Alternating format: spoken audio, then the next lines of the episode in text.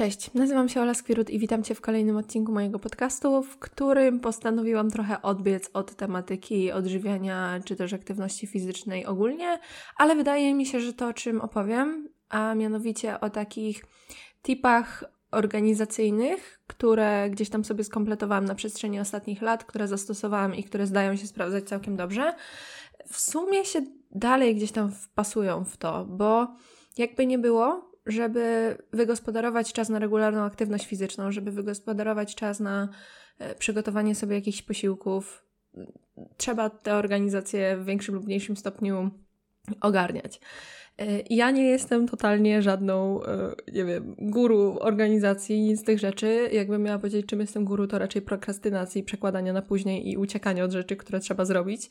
Więc dzielę się tym bardziej dlatego, że to są takie całkiem proste rzeczy do wdrożenia. To nie jest nic specjalnie skomplikowanego, ale nie jest to też coś, o czym, o czym bym pomyślała, czy na co bym wpadła, gdybym o tym gdzieś u kogoś nie usłyszała, czy gdzieś u kogoś nie przeczytała. Pierwsza rzecz, która jest kluczowa pod kątem jakiejś takiej ogólnej właśnie efektywności czy zorganizowania siebie, y, jest wstawanie i chodzenie spać o regularnych porach. I żadne, konkre- żadne późniejsze jakieś takie wskazówki odnośnie tego, jak można robić więcej rzeczy w krótszym czasie i tak dalej, się no, nie sprawdzą albo nie przyniosą takiego rezultatu, jaki by mogły, jeśli zaniedbamy taką podstawę, jaką jest y, spanie po prostu. I my się różnimy generalnie między osobniczo i mamy tak jakby różne swoje typy i preferencje odnośnie wstawania i zasypiania. I to się tyczy zarówno długości snu, jakich godzin, w których my zasypiamy i się budzimy. I są osoby, które czują się świetnie, jeśli chodzą spać na przykład o godzinie drugiej i wstają sobie o godzinie dziesiątej. I są osoby, które lubią na przykład spać o godzinie 22 i wstawać o godzinie 6. I jakby odnalezienie tego naszego takiego powiedzmy naturalnego rytmu, czy takich naszych wewnętrznych preferencji będzie bardzo pomocne, bo nie ma nic lepszego czy gorszego wchodzeniu spać wcześniej lub później, bo wydaje mi się, że jest jakieś takie taka po prostu ogólna pochwała w społeczeństwie dla osób, które jakoś tak zasypiają w miarę wcześniej i wstają w miarę wcześnie, y, o świcie po prostu wręcz, ze wschodem słońca. Jeszcze najlepiej jakby zrobiły jogę i wypiły jakiś napar po prostu z nie wiadomo jakich ziół. No do czego zmierzam? Że tak jakby nie ma absolutnie niczego złego w tym, że chodzisz spać o drugiej czy o trzeciej, jeśli ty się czujesz dobrze, jeśli ty optym, e, optymalnie funkcjonujesz w takim swoim e, rytmie. U mnie akurat ze wstawaniem i chodzeniem spać nie było nigdy problemu, bo ja jestem po prostu totalnie babcia. Ja mnie odcina po godzinie 22 z reguły i y, też jakby wstawanie o 6 czy o 7 nie sprawia mi większego problemu. Ale co jest też ważne właśnie w kontekście tego wstawania i chodzenia spać o regularnych porach, to to, żeby utrzymywać to też na weekendach, utrzymu, y, utrzymywać to też wtedy, kiedy mamy po prostu wolne i tak jakby nie musimy wstać rano do pracy, do szkoły czy do czegoś tam innego, bo to nas wybija. Jakby każdorazowo, załóżmy, że chodzimy spać o 22, właśnie wstajemy o 6. Każdorazowe wstanie na weekendzie na przykład o 10 i później yy, w sobotę i w niedzielę o 10 uniemożliwia nam później pójście spać wcześniej w tą niedzielę i tym samym utrudnia nam wstanie wcześniej w poniedziałek i tak jakby no totalnie nas rozregulowywuje. Nie, nie umiem mówić po polsku, ale wiecie o co mi chodzi. Więc zadbanie o to robi naprawdę ogromną robotę. I tutaj też y, wtrącę, że oczywiście, jeśli nie mamy takiej możliwości, bo pracujemy na zmiany, bo mamy mm, młode dzieci w domu, którymi trzeba się zająć, małe dzieci, no to nie będzie to za, dla nas za bardzo możliwe, bo tutaj walka o każdą y, godzinę snu domyślam się, że jest wyzwaniem i challenge'em, więc ja to mówię po prostu bardziej dla osób, które nie doceniają i nie dbają o sen, bo po prostu nikt im może też nigdy nie przekazał, że warto i że to naprawdę robi kolosalną różnicę, jeśli chodzi o skupienie się, o zdolność do koncentrowania się, właśnie taką ogólną y, wydajność, plus tak już zahaczę też o aktywność fizyczną, jak jesteśmy niewyspani, to nam się zwyczajnie mniej chce. I ten sam spacer, ten sam trening, ten sam marszobieg wydaje się być dużo razy, kilkukrotnie razy trudniejszy niż w przypadku, kiedy jesteśmy wypoczęci. Więc od tego bym, że tak to ujmę, zaczęła i właśnie zastanowiła się, kiedy my naturalnie lubimy chodzić spać i kiedy my się czujemy najlepiej wstając, najbardziej wypoczęci. E, druga kwestia, rozpraszacze czyli powiadomienia na telefonie. Mam na studiach koleżankę, która ma włączone powiadomienia na każdej chyba możliwej aplikacji, albo po prostu na większości aplikacji, z których korzysta. I pamiętam raz, jak siedziałyśmy koło siebie na zajęciach i ona miała właśnie telefon na stoliku i w ciągu pięciu minut wykładu jej ten telefon, y, te powiadomienia jakby pojawiły się na ekranie, nie wiem ile dziesiąt, jeśli nie ile set razy. I siedziałam koło niej i tak patrzyłam na ten jej telefon i się zastanawiałam, jak ona utrzymuje zdrowie, zachowuje jakiekolwiek zdrowie psychiczne z taką ilością bodźców i jak ona po prostu nie wariuje. Bo wyciszyłam sobie powiadomienia w telefonie chyba 5 lat temu, tak mi się wydaje. I to była najlepsza, jedna z lepszych decyzji życiowych ever, naprawdę. Pod kątem właśnie raz y, takiej efektywności i nierozpraszania się. Y, no nie, no właśnie głównie tego, efektywności i nierozpraszania się, bo jakby w tym temacie się będziemy obracać bo każde, naprawdę każde gdzieś tam powiadomienie, że mail przyszedł, że coś na Instagramie ktoś napisał, że na Facebooku dostałeś wiadomość, to jest wybicie się z rytmu i takie rozproszenie się. I teraz, to nie jest tak, że jak sobie wycieszyłam te powiadomienia, to zapominam w ogóle o tym, że jest Messenger i Instagram i nie wchodzę tam na dwa dni i nie wiem, co się dzieje. No bo absolutnie nie. Ja wchodzę kilkukrotnie, jeśli nie mm, kilkadziesiąt razy dziennie i tak to sprawdzam. Tylko chodzi o to, że to tak jakby ja decyduję, kiedy ja to robię i nie ma takiej potrzeby, że właśnie, o kurde, ktoś napisał, ciekawe co kto napisał i taka silna potrzeba sprawdzenia tego, to gdzieś tam z czasem wygasa. Na początku to było faktycznie takie silne, bo jak wyciszyłam powiadomienia, które do tej pory mnie bombardowały zasadniczo co minutę, co dwie minuty, co pięć minut, i nagle tego nie było, to był taki automatyczny odruch sprawdzania i takie przekonanie, że właśnie coś mnie pomija, bo na pewno ktoś tam pisze. E, no natomiast to naprawdę totalnie znika jakby z biegiem czasu. Więc polecam z całego serca, jeśli nie wszystkie y, powiadomienia wyciszyć z telefonu, to z tych takich, które nas gdzieś tam bombardują najczęściej. Jakaś poczta, jakiś właśnie Instagram, Facebook i tak dalej. Albo nie wiem, czy jest taka opcja w telefonie, bo ja to jestem po prostu grażyna, jeśli chodzi o takie tematy, ale może istnieje taka funkcja, żeby sobie wyłączyć te powiadomienia od godziny do godziny i właśnie wyłączyć je na ten czas, kiedy my staramy się gdzieś tam skupić na czymś ważnym. A to, co w ogóle jeszcze zrobiłam, jak była klasa maturalna i były ostatnie tygodnie, czy też miesiące przygotowywania się do niej, to usunęłam, mm, to był chyba wtedy Snapchat. Usunęłam go, mm, bo zauważyłam, że ogromnie dużo czasu tam jakby spędzam. I po maturze go nie zainstalowałam już podobnie. I teraz do tej pory tak robię, że jeśli yy, zbliża mi się sesja, w sensie jest jakiś ważny egzamin, teraz nadchodzi obrona, no to prawdopodobnie 2-3 tygodnie przed ja sobie usunę Instagrama, bo to jest właśnie jakby główne źródło, główny mój pochłaniacz czasu i będę chciała się po prostu skupić głównie na, no, na tym, co jest najważniejsze w danym momencie, a Instagram z całą pewnością nie jest najważniejszy w tym momencie. I to po prostu bardzo pomaga, bo ja sobie zdaję sprawę, że gdyby ta aplikacja w telefonie została, to ja mimo wyciszonych powiadomień, mimo jakiejś tam wewnętrznej umowy z samą sobą, zaglądałabym tam po prostu częściej niż rzadziej, no bo znowu mówiłam, yy, królowa prokrastynacji i ja będę uciekać od wszystkiego, co trzeba zrobić już w tym momencie i co jest ważne, do rzeczy właśnie takich bardziej e, przyjemnych. A scrollowanie Instagrama, czy też dodawanie postów i odpisywanie e, jest bardzo przyjemne w moim odczuciu, więc polecam wyłączyć powiadomienia. I jeśli mamy jakiś taki napięty czas, napięty okres, to po prostu odinstalować aplikacje, e, na których spędzamy najwięcej czasu. Kolejna rzecz, u kogoś kiedyś zobaczyłam albo przeczytałam o takim wykresie swojej produktywności. Czyli wydrukować sobie, czy tam narysować taką oś po prostu y, czasu i zapisywać przez na przykład 7 czy 10 dni, jak się zmienia nasza produktywność, kiedy najlepiej nam się pracuje i kiedy najfajniej nam się pracuje, czy też uczy, czy no, robi to, co musimy zrobić po prostu, skali dnia. Czy to jest na przykład tak, że my wstajemy o 10 i do 15 jesteśmy do niczego i dopiero od 15 do 20 nam się pracuje najfajniej. Czy na przykład wstajemy od 7 i od 7 do 12 jesteśmy w stanie siąść od razu i zrobić wszystko to, co musimy zrobić danego dnia, bo to jest taki nasz, nasz czas największej produktywności. I poznanie takie, takich swoich po prostu preferencji względem tego, kiedy nam się najfajniej działa, też bardzo pomaga tak jakby ulokować właśnie zadania i zaplanować w ogóle dzień pod kątem tego, żeby jak najmniej czasu spędzić na nic nie robienie, y, w takim sensie, że właśnie odkładanie tego, co trzeba zrobić na później i mieć to z głowy. I ja jak robiłam ten wykres, to miałam po prostu jednego takiego wielkiego mindblowa, bo ja w każdy dzień miałam zasadniczo inaczej, ale zrobiłam to też w takim niereprezentatywnym okresie, bo dużo się wtedy działo i dużo tak jakby zewnętrznych czynników mi wpływało na układ dnia, więc muszę sobie to ponowić.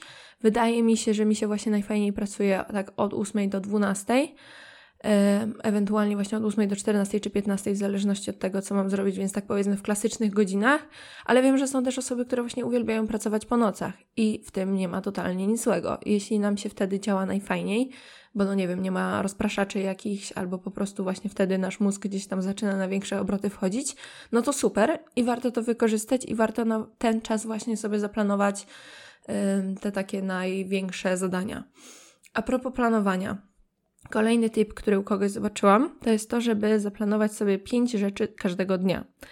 Czyli jeśli mamy, nie wiem, czy lubicie sobie zapisywać na przykład taką listę zadań do zrobienia. Ja jestem totalną fanką, bo nie lubię, jak mi coś zalega w głowie, bo ja tym po prostu zapomnę. Mam fatalną pamięć do lat, do ludzi, do rzeczy, do wydarzeń, do jakichś słów. Dramat jest po prostu jeden wielki, więc ja sobie gdzieś tam na bieżąco zapisuję wszystko i jak widzę na przykład listę tygodniową, po prostu rzeczy, które mam zrobić, albo mam już poukładane danego dnia zadania, to wybieram pięć najważniejszych, pięć takich największych rzeczy, które trzeba, po prostu trzeba zrobić i zapisuję sobie je na takiej mini karteczce, którą mam koło mm, laptopa. I sobie na nią zerkam yy, i tak jakby oswajam się po prostu z tym, co jest danego dnia do zrobienia. To mi bardzo pomogło, bo ja do tej pory na takiej karteczce rzeczy do zrobienia miałam po 8 czy 10 rzeczy. I nigdy, naprawdę chyba nigdy mi się nie udało zrobić wszystkich zapisanych na tej kartce. Co oczywiście skutkowało takim poczuciem, że no kurde, obijałam się jakby za wolno, coś tam robiłam. No bo oczywiście, że zaglądałam na Instagrama w międzyczasie i oczywiście, że gdzieś tam uciekałam od, od roboty. No ale nie zmienia to faktu, że zamiast właśnie zobaczyć, że ile ja, ile ja zrobiłam danego dnia i że super, bo część rzeczy już gdzieś tam za mną, to ja miałam tylko takie poczucie, że no niewystarczająco dobrze, bo jeszcze mogłam te kolejne rzeczy gdzieś tam odhaczyć i wrzucić. I taka pretensja do siebie zupełnie niepotrzebna, bo zrobienie tylu rzeczy było po prostu fizycznie niemożliwe. Więc tu wchodzi to, o czym ja bardzo często mówię w kontekście odżywiania czy treningów, czyli stawianie sobie realistycznych celów. Bo jak zaczniemy od celu, który jest absurdalny, abstrakcyjny i w ogóle totalnie nie do wykonania, no to my jakby od samego początku skazujemy siebie na niepowodzenie. Bo jeśli czegoś się nie da zrobić fizycznie w danym czasie, no to się po prostu nie da zrobić i jakby niezależnie od naszych starań i, czy zaangażowania, to będzie no niewykonalne. Więc tutaj świetnie Ola, że mówisz innym, fantastycznie gdybyś odniosła to do siebie. I jak przeczytałam u kogoś mm, o tych pięciu rzeczach, to stwierdziłam, że to jest super mądre i wow w ogóle, dlaczego ja na to nie wpadłam. E, więc zapis, zaczę, zaczęłam sobie zapisywać te pięć rzeczy i to jest naprawdę taka bardzo fajna ilość, bo teraz, jeśli okazuje się, że na przykład ja nawet tych pięciu rzeczy nie jestem w stanie zrobić, bo one są po prostu duże i wymagające, to robię na przykład trzy i te dwie przechodzą tak jakby na kolejny dzień. I wchodzą do tej mojej nowej piątki. E, jeśli uda mi się zrobić te pięć rzeczy, jeśli gdzieś tam będą one właśnie wykonalne, to albo biorę sobie jeszcze jedną taką najmniejszą rzecz z kolejnego dnia, o ile mam czas, ale szczerze 99% przypadków wygląda tak, że kończę po prostu i jakby cieszę się, że to jest zrobione i że mogę sobie teraz poczytać książkę i nic nie robić, więc tak to wygląda. I to, co jeszcze część osób mówi, że fajnie robić, to jest zacząć od najgorszego. Czyli zacząć od najgorszego zadania, które trzeba danego dnia odbębnić, y, bo teoretycznie na samym początku dnia, jak mamy gdzieś tam najwięcej energii, najwięcej zasobów do tego, ja szczerze powiedziawszy się tym, z tym średnio... Yy, utożsamiam, w sensie średnio z tym jakoś. Um, średnio to do mnie przemawia, dlatego że jeśli mam taki dzień, że mi się wybitnie nie chce, a no, mam dużo takich dni, to patrzę sobie na tą kartkę i ja obieram przeciwną taktykę, czyli ja zaczynam od tego, co jest dla mnie najprzyjemniejsze, żeby po prostu zacząć i żeby się po prostu wdrożyć w robienie i dopiero kiedy tak się troszkę, no powiedzmy, że rozchulam i tak jakby już wbiję w ten rytm, no bo bardzo często jest tak, że nam się początkowo nie chce, a jak już zacznie, zaczniemy robić, to jest ok. Tak samo jest, nie wiem, z pisaniem pracy jakiejkolwiek, z nauką do czegokolwiek, z treningiem zresztą że jak już zaczniemy, jak już się rozgrzejemy, jak już założymy buty i wyjdziemy na zewnątrz, to już jakoś idzie, że tak jakby najgorzej jest zacząć. Więc jak ja bym sobie pomyślała o tym, że mam taki fatalny dzień i mam rozpocząć od najgorszego zadania, na które po prostu patrzę i robi mi się słabo, to no prawdopodobnie bym nie zaczęła i bym po prostu nie zrobiła nic danego dnia. Więc to podejrzewam, że zależy. Jeśli mamy dobry dzień, to może faktycznie być to zasadne. Jeśli nie, to ja bym zaczęła od najprzyjemniejszej rzeczy, ale to znowu mówię, ja się totalnie na tym nie znam, dzielę się tym, co gdzieś tam się u mnie sprawdza. Kolejna rzecz to jest y, wpływ właśnie aktywności fizycznej i wpływ w ogóle ruszania się na to, jak my się czujemy i na naszą dalszą produktywność w ciągu dnia. I u mnie naprawdę absolutny y, game changer to jest takie posiedzenie nawet na balkonie, czy wyjście, wynieść śmieci rano, czy wyjście po jakieś świeże pieczywo, tak żeby 15 minut, 15-30 minut mieć ekspozycji na światło słoneczne. Jak jest taki dzień, że no wstajesz i po prostu wiesz, że dzisiaj będzie ciężko. Jakby umówmy się, dzisiaj będzie ciężko. To nie jest twój najwybitniejszy dzień ever, ale no jakby to, że czujesz się gorzej nie zmienia faktu, że masz rzeczy do zrobienia. I wyjście na mm, taki krótki spacer, czy wyjście na jakiś marszobieg, na jogging. Ja sobie też przywlekłam y, rower do Krakowa, gdzie mieszkam i uwielbiam po prostu rano sobie właśnie włączyć takie 3, 4, 5 szybszych kawałków i zrobić taką szybką pętelkę po osiedlu w takim fajnym tempie. Nic tak nie rozbudza. Autentycznie nic tak nie rozbudza. Y, nie zawsze mi się chce, to też absolutnie nie będę tutaj wciskać kitu, że każdego dnia wstaję i po prostu biegnę na ten rower z uśmiechem na ustach i w ogóle pełna endorfin jeszcze zanim na niego wsiadłam. Bo tam nie chodzi o endorfiny, tam nie chodzi o jakieś takie y, zajechanie się. Tam chodzi dosłownie tylko o to, żeby wyjść na świeże powietrze i żeby się rozruszać. Że tak jakby ten ruch y, bardzo, bardzo pobudza i wprawia w jakiś taki w ogóle lepszy tryb y, pracy na, na resztę dnia. Tak, tak przynajmniej zauważyłam u siebie. I dosłownie to jest 15 minut w większości przypadków, bo ja chyba powiedziałam 15-30, bardzo rzadko to jest 30. Chyba, że zdecyduję się przejechać do jakiegoś dalszego sklepu, bo wyszedł nowy odcinek podcastu, albo bo mam ochotę właśnie posłuchać więcej muzyki, ale z reguły to jest 15 minut. Wracam, prysznic, śniadanie, kawa i jest totalnie inaczej. Więc bardzo, bardzo polecam. Y, wypróbować sobie po prostu właśnie taki 15-minutowy spacer każdego dnia przed y, pracą umysłową, później właśnie przed siedzeniem kilkanaście godzin przed monitorem.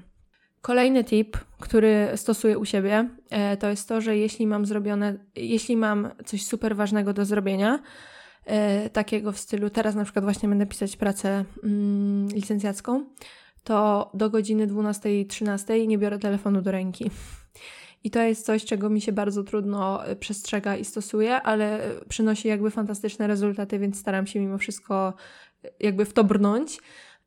Ja mam budzik w telefonie też i to, co robię, no to jak sobie nastawiam go na z reguły tam 6.30, 6, czasem 7, zostawiam go w osobnym pokoju, jak najdalej się tylko da. Czyli jak muszę wstać rano, Y, to układam telefon w takim miejscu, żeby przejść jak największy dystans i stworzyć sobie tak jakby największą szansę na to, żeby się obudzić. żeby po prostu zminimalizować szansę tego, że wrzucę drzemkę i pójdę spać dalej. Chociaż szczerze, to jest bardzo częsty scenariusz. I w tym osobnym pokoju sobie ten telefon zostawiam gdzieś w takim też miejscu, żeby musiała kucnąć albo właśnie się gdzieś tam schylić po prostu, żeby wykonać jak najwięcej ruchu i musieć faktycznie zacząć myśleć, y, chociaż troszkę. Mm, ja wtedy ten budzik wyłączam. Wyłączam telefon też i chowam go do jakiejś szuflady albo gdzieś go kładę po prostu w takim niewidocznym miejscu. Y, jeśli y, mogę na to liczyć, że tak to ujmę i mam w pobliżu osobę, y, którą mogę o to prosić, to jest takie, zostawiam Ci tu, tutaj ten telefon, nie mogę po niego przyjść do godziny 13, więc jakby pilnuj mnie. że jak, jak się tutaj zacznę kręcić i coś kombinować, to proszę przypomnij mi, że mm, no, postanowiłam sobie coś. I to naprawdę bardzo jakby pomaga. To takie odizolowanie się od telefonu w osobnym pokoju. I to może brzmieć w ogóle absurdalnie i kosmicznie i takie laska, masz problem, jesteś uzależniona. Yy, czy zaprzeczę? Absolutnie nie zaprzeczę. Mam problem po prostu z tym, żeby ograniczać czas przed ekranem.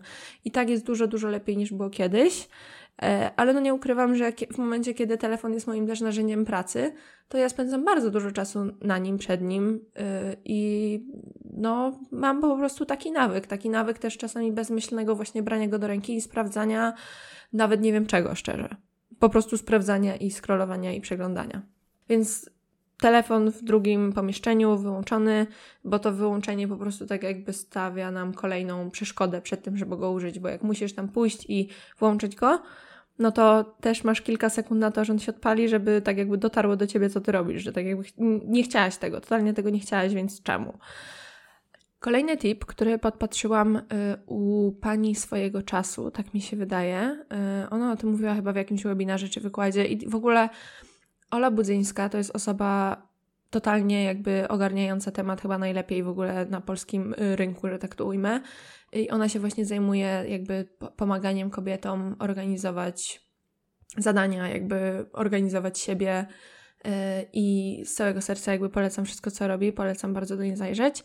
Jej webinar, któryś oglądałam, w którym ona mówiła właśnie o różnych takich metodach zwiększania swojej produktywności i wspomniała tam o metodzie Pomodoro, jeśli dobrze pamiętam. I metoda Pomodoro, jeśli dobrze kojarzę, sprowadza się generalnie do tego, że pracujemy w takich blokach czasowych. I możemy sobie na przykład ustalić, że pracujemy przez 25 minut i odpoczywamy 5 minut. I później znowu 25 minut i 5 minut. I po takich 4 czy 5 blokach czasowych robimy sobie dłuższą przerwę na jakąś tam kawę, na jakiś, nie wiem, krótki spacer, na jakiś posiłek, cokolwiek. I ta, to Pomodoro jest w ogóle aplikacja do tego. Ja sobie ją ściągnęłam w momencie, kiedy pisałam e-booka Odzyskaj kontrolę nad jedzeniem, bo tam było naprawdę bardzo, bardzo, bardzo dużo pisania i nie wyobrażałam sobie pisać tego tak naraz. Nie wyobrażałam sobie pisać tego w takich ciągłych, trzygodzinnych blokach, bo wyszłaby tragedia, po prostu jedna wielka. Jakby mózg się już wyłącza w którymś momencie. Jeśli my myślimy intensywnie, musimy się na czymś skupić, to faktycznie dużo, dużo lepszy rezultat przynosi pracowanie w tych blokach, przynajmniej w moim odczuciu. I zainstalowałam sobie tę aplikację, która właśnie w wersji chyba darmowej ma ustawione domyślnie albo 20 minut pracy i 5 minut przerwy, albo właśnie 25-5. Już nie pamiętam. I można wykupić wersję płatną, w której my sobie y, no, samodzielnie ustalamy minuty pracy, minuty przerwy i tak jakby bloki właśnie, w których, po których chcemy mieć dłuższą przerwę. Do pisania tekstów coś pięknego, naprawdę, do pisania tekstów coś pięknego, bo szczerze, jak sobie teraz myślę na przykład o mm, czytaniu badań i przeskakiwaniu między właśnie badaniami i jakimś tam nanoszeniem notatek, czy jakichś takich własnych przemyśleń, to nie sądzę, żeby mi się to sprawdziło, bo myślę, żeby mi to bardziej wybijało z rytmu, bo jeśli ja czytam badania, to i tak bardzo często przeskakuję z jednego na drugie i tak jakby to nie jest taka ciągła, ciągła, intensywna praca umysłowa, jak w przypadku pisania jakby jednolitego tekstu, przy którym ja cały czas się zastanawiam, ja cały czas gdzieś tam koryguję jakieś zdanie, cały czas wymyślam, jak to zacząć mm, znowu, jakby jak zacząć kolejne, żeby to brzmiało po polsku w miarę. E, także przy pisaniu dłuższych rzeczy naprawdę fenomenalne. Myślę, że też przy czytaniu trudniejszych tekstów byłoby to bardzo mm, przydatne. Albo w ogóle, jeśli byśmy na przykład chcieli sobie wdrożyć nawyk czytania książek, to ustawienie sobie właśnie nawet takiego jednego bloku, żebyś po prostu miała gdzieś tam coś, co ci za, zadzwoni, zatrąbi, wyda jakiś po prostu dźwięk po właśnie 25 minutach, że okej, okay, twoja tak jakby. Mm, Twój czas na czytanie dobiegł końca i jakby dołożyłaś cegiełkę do budowania swojego nowego nawyku. Albo jeśli właśnie zależy nam na tym, żeby czytać więcej, dłużej po prostu, no to też wydaje mi się, że spoko byłoby ustalenie sobie właśnie takich dwóch na przykład bloków czasowych i zrobienie pięciominutowej przerwy na jakąś herbatkę, powrót i znowu. I szczególnie jeśli wiemy, że na przykład później też mamy coś do zrobienia, a nie chcemy też stracić poczucia czasu wi widzę jakby w tym zastosowanie. Także tą, tę apkę bardzo, bardzo polecam do pisania właśnie dłuższych tekstów lub czytania takich bardziej gdzieś tam wymagających, zaawansowanych y, treści, które może też nie, nie czytamy dla stricte przyjemności, tylko czytamy, bo po prostu wymaga od nas gdzieś tam obecna sytuacja życiowa. Y, kolejna rzecz to obserwowanie przemęczenia, bo no po prostu nie da się pracować efektywnie, nie da się pracować z jakimkolwiek entuzjazmem czy z jakąkolwiek chęcią, jeśli jesteśmy po prostu no, no zwyczajnie zmęczone, tak wymęczone, wręcz bym powiedziała do granic możliwości. I ja, kiedy obserwuję u siebie, że jestem już taka dość mocno mm, wypruta z jakichkolwiek zasobów i chęci do robienia rzeczy, to nie robię nic przez dzień lub dwa dni. I ja jestem w bardzo komfortowej sytuacji, bo ja sobie mogę na to pozwolić. W sensie mnie nikt tak jakby nie goni, mnie nikt tak jakby nie ciśnie do tego, żeby musieć pracować dzień w dzień albo musieć pracować przez jakąś określoną ilość czasu, więc ja sobie zupełnie zdaję sprawę z tego, jaki to jest przywilej. Natomiast yy, zwracam też uwagę na to, że nam się bardzo często wydaje, że my musimy coś zrobić, a w rzeczywistości jest tak, że absolutnie nic się nie stanie, jeśli my faktycznie zrobimy sobie dzień czy dwa przerwy. Bo jeśli my już któryś dzień yy, dopinamy jakieś projekty, czy pracujemy po ileś naście godzin z rzędu, no to normalne jest to, że wytworzymy tak jakby w sobie taką niechęć na myśl o tym, że kurde, jutro znowu trzeba coś tam zrobić, jutro trzeba znowu siąść do tego kompa i coś tam się pouczyć albo poczytać. I zrobienie sobie takiego dnia na nic, po prostu przeznaczonego na leżenie i czytanie, albo leżenie i oglądanie seriali, albo jakąś wycieczkę, nie wiem, do jakiejś pobliskiej wsi czy miasta, tak żeby po prostu pochodzić i zmienić trochę otoczenie.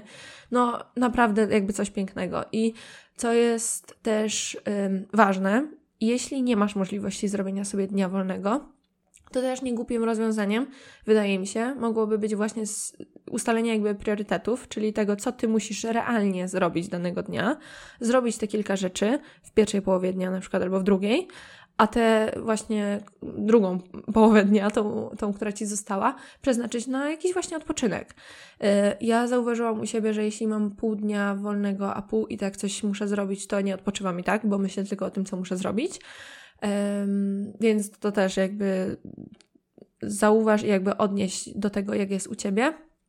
No plus jakby odnieść do tego, na, na co tak jakby możesz sobie w danym momencie pozwolić, ale ten jeden czy dwa dni przerwy to jest coś absolutnie cudownego i fajnie jest doprowadzić do takiej sytuacji, w której ty po prostu zauważasz, że już jesteś zmęczona i zauważasz, że naprawdę już jakby jest nieciekawie pod kątem tego, jak ciężko ci jest zebrać myśli, jak ciężko ci jest się skupić i jak ciężko jest wymyślić coś, coś nowego, kreatywnego i jakoś tak czerpać radość po prostu ym, z tego, co robisz. I nie mówię tutaj też o pracy, w sensie możesz rozwijać sobie jakąś zajawkę na boku, możesz właśnie pielęgnować jakąś, jakieś hobby, rozwijać sobie jakieś nowe umiejętności, uczyć się czegoś i nawet w tym czuć takie poniekąd wypalenie. Yy, to lepiej jest właśnie po kilku dniach wycofać się na ten jeden czy dwa dni, niż cisnąć któryś miesiąc z rzędu, ignorując te wszystkie znaki ostrzegawcze i doprowadzić do takiego no do takiego nieciekawego stanu, bo przy zmęczeniu, przy takim minimalnym już y, naprawdę wyczerpaniu, kilka dni odpoczynku z reguły wystarcza i człowiek wraca do, do tego wszystkiego taki odświeżony i zregenerowany. Ale jak się któryś miesiąc z rzędu ignoruje to wszystko i zaciska zęby w imię właśnie tej. Yy, mody, bo nie wiem jak to inaczej nazwać zasadniczo, na to, żeby pracować po prostu w każdej minucie swojego życia, oprócz tej, w której śpimy, ale w sumie to najlepiej też nie spać, bo wyśpisz się, wyśpimy się y, po śmierci, czy coś takiego. Nie przepadam za tym tekstem, y, powiem szczerze, naprawdę wydaje mi się bardzo mm, niezbyt mądry, o tak to ujmę. W każdym razie lepiej naprawdę jest po kilku dniach się wycofać na jeden, dwa dni i sobie odpocząć, niż yy, po prostu się wypalić. I ja zrobiłam takie właśnie mini wypalenie sobie, zafundowałam w zeszłym roku, kiedy w październiku, listopadzie i grudniu pracowałam dosłownie od chyba 7 do godziny 21 praktycznie każdego dnia. Oczywiście to nie było tak, że każda godzina była przepracowana, ale miałam, wzięłam po prostu wtedy na siebie za dużo i jakby nie byłam w stanie ocenić swoich możliwości. E, to nauczyłam się na błędach po prostu. No nie zmienia to faktu, że jak już się gdzieś tam w coś władowałam i jak już złożyłam jakieś tam obietnice, no to musiałam się z nich wywiązać.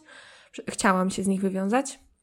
I to naprawdę nie był fajny czas, więc później jak nastąpiła sesja, nastała sesja w lutym, to od stycznia chyba właśnie jakoś tak zniknęłam bardziej z Instagrama i tak w ogóle pokończyłam to, co mogłam pokończyć.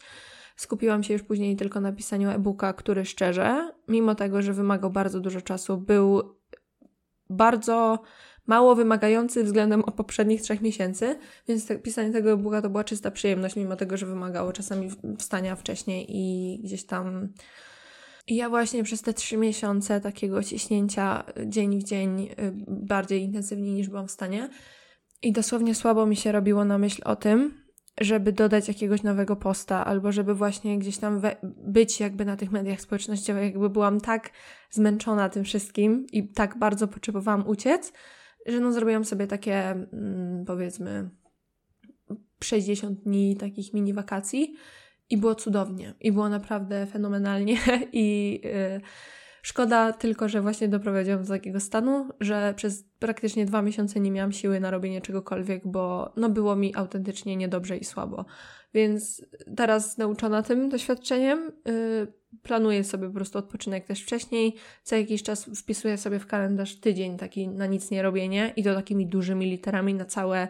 Yy, mam w kalendarzu takie paski jakby wydzielone na konkretne dni.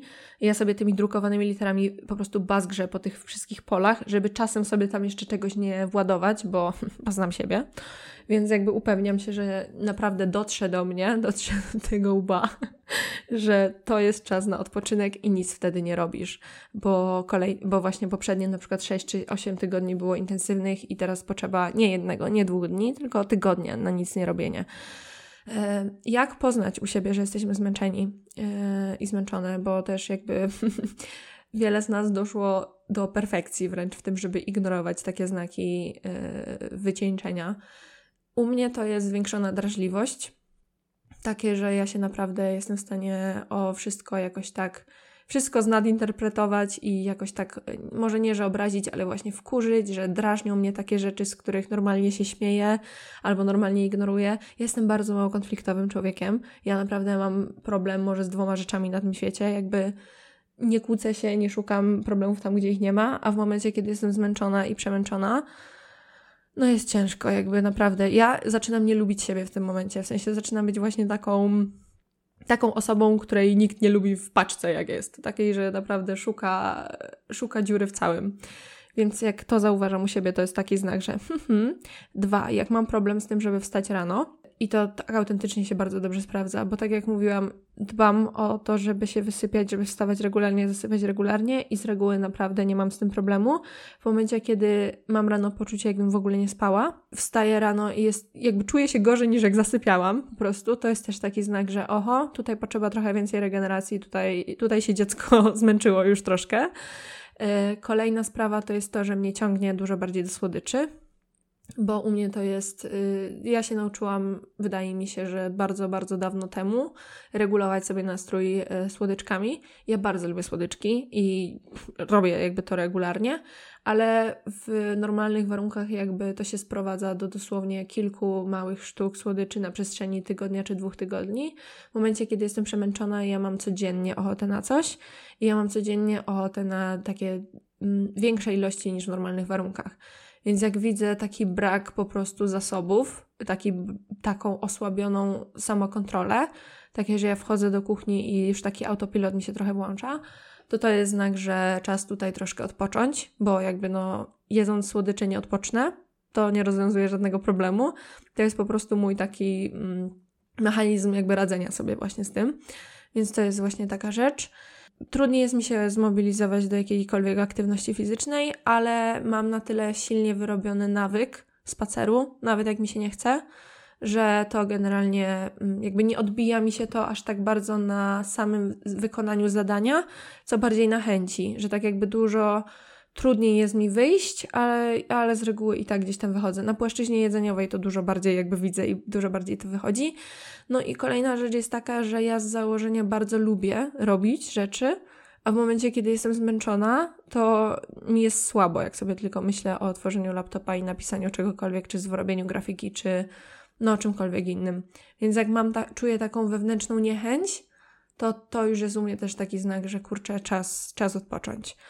E, nie wiem, co u ciebie wskazuje jakby na zmęczenie, co u ciebie wskazuje na to, że czas, czas najwyższy gdzieś tam zaplanować sobie jeden dzień czy dwa dni przerwy, albo właśnie po prostu nawet pół dnia na takie, nie wiem, poczytanie książki, zrobienie sobie jakiegoś domowego spa, jakby wyspanie się, obejrzenie filmu. Nie wiem, co cię relaksuje, nie wiem, co cię odpręża, ale warto obserwować siebie, warto obserwować swoje ciało, żeby właśnie wyłapać to na w miarę wczesnym etapie i nie doprowadzić do takiego krytycznego punktu, w którym trzeba już nierzadko szukać pomocy u specjalisty.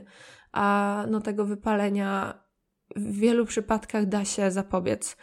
Mm, podejrzewam, że no nie we wszystkich, bo czasami nas po prostu gdzieś tam sytuacja życiowa czy warunki okoliczności zmuszają do tego, żeby po prostu pracować, bo nie mamy za bardzo innego wyjścia. No natomiast mówię o osobach, które mogą i mają możliwość zadbania o to na wcześniejszym etapie. No, więc ja już nawijam ponad pół godziny. Wydaje mi się, że to jest czas dobijać do brzegu, także bardzo Ci dziękuję za wysłuchanie tego materiału. Jest trochę inny niż do tej pory. Nie wiem, czy był dla Ciebie interesujący i czy był dla Ciebie no, ciekawy. Jeśli tak lub nie, to daj mi znać, żebym wiedziała, czy raczej się trzymać tych tematów żywieniowych, czy raz na jakiś czas mm, poopowiadać o czymś innym. I y, słyszymy się za tydzień. Miłego dnia, trzymaj się.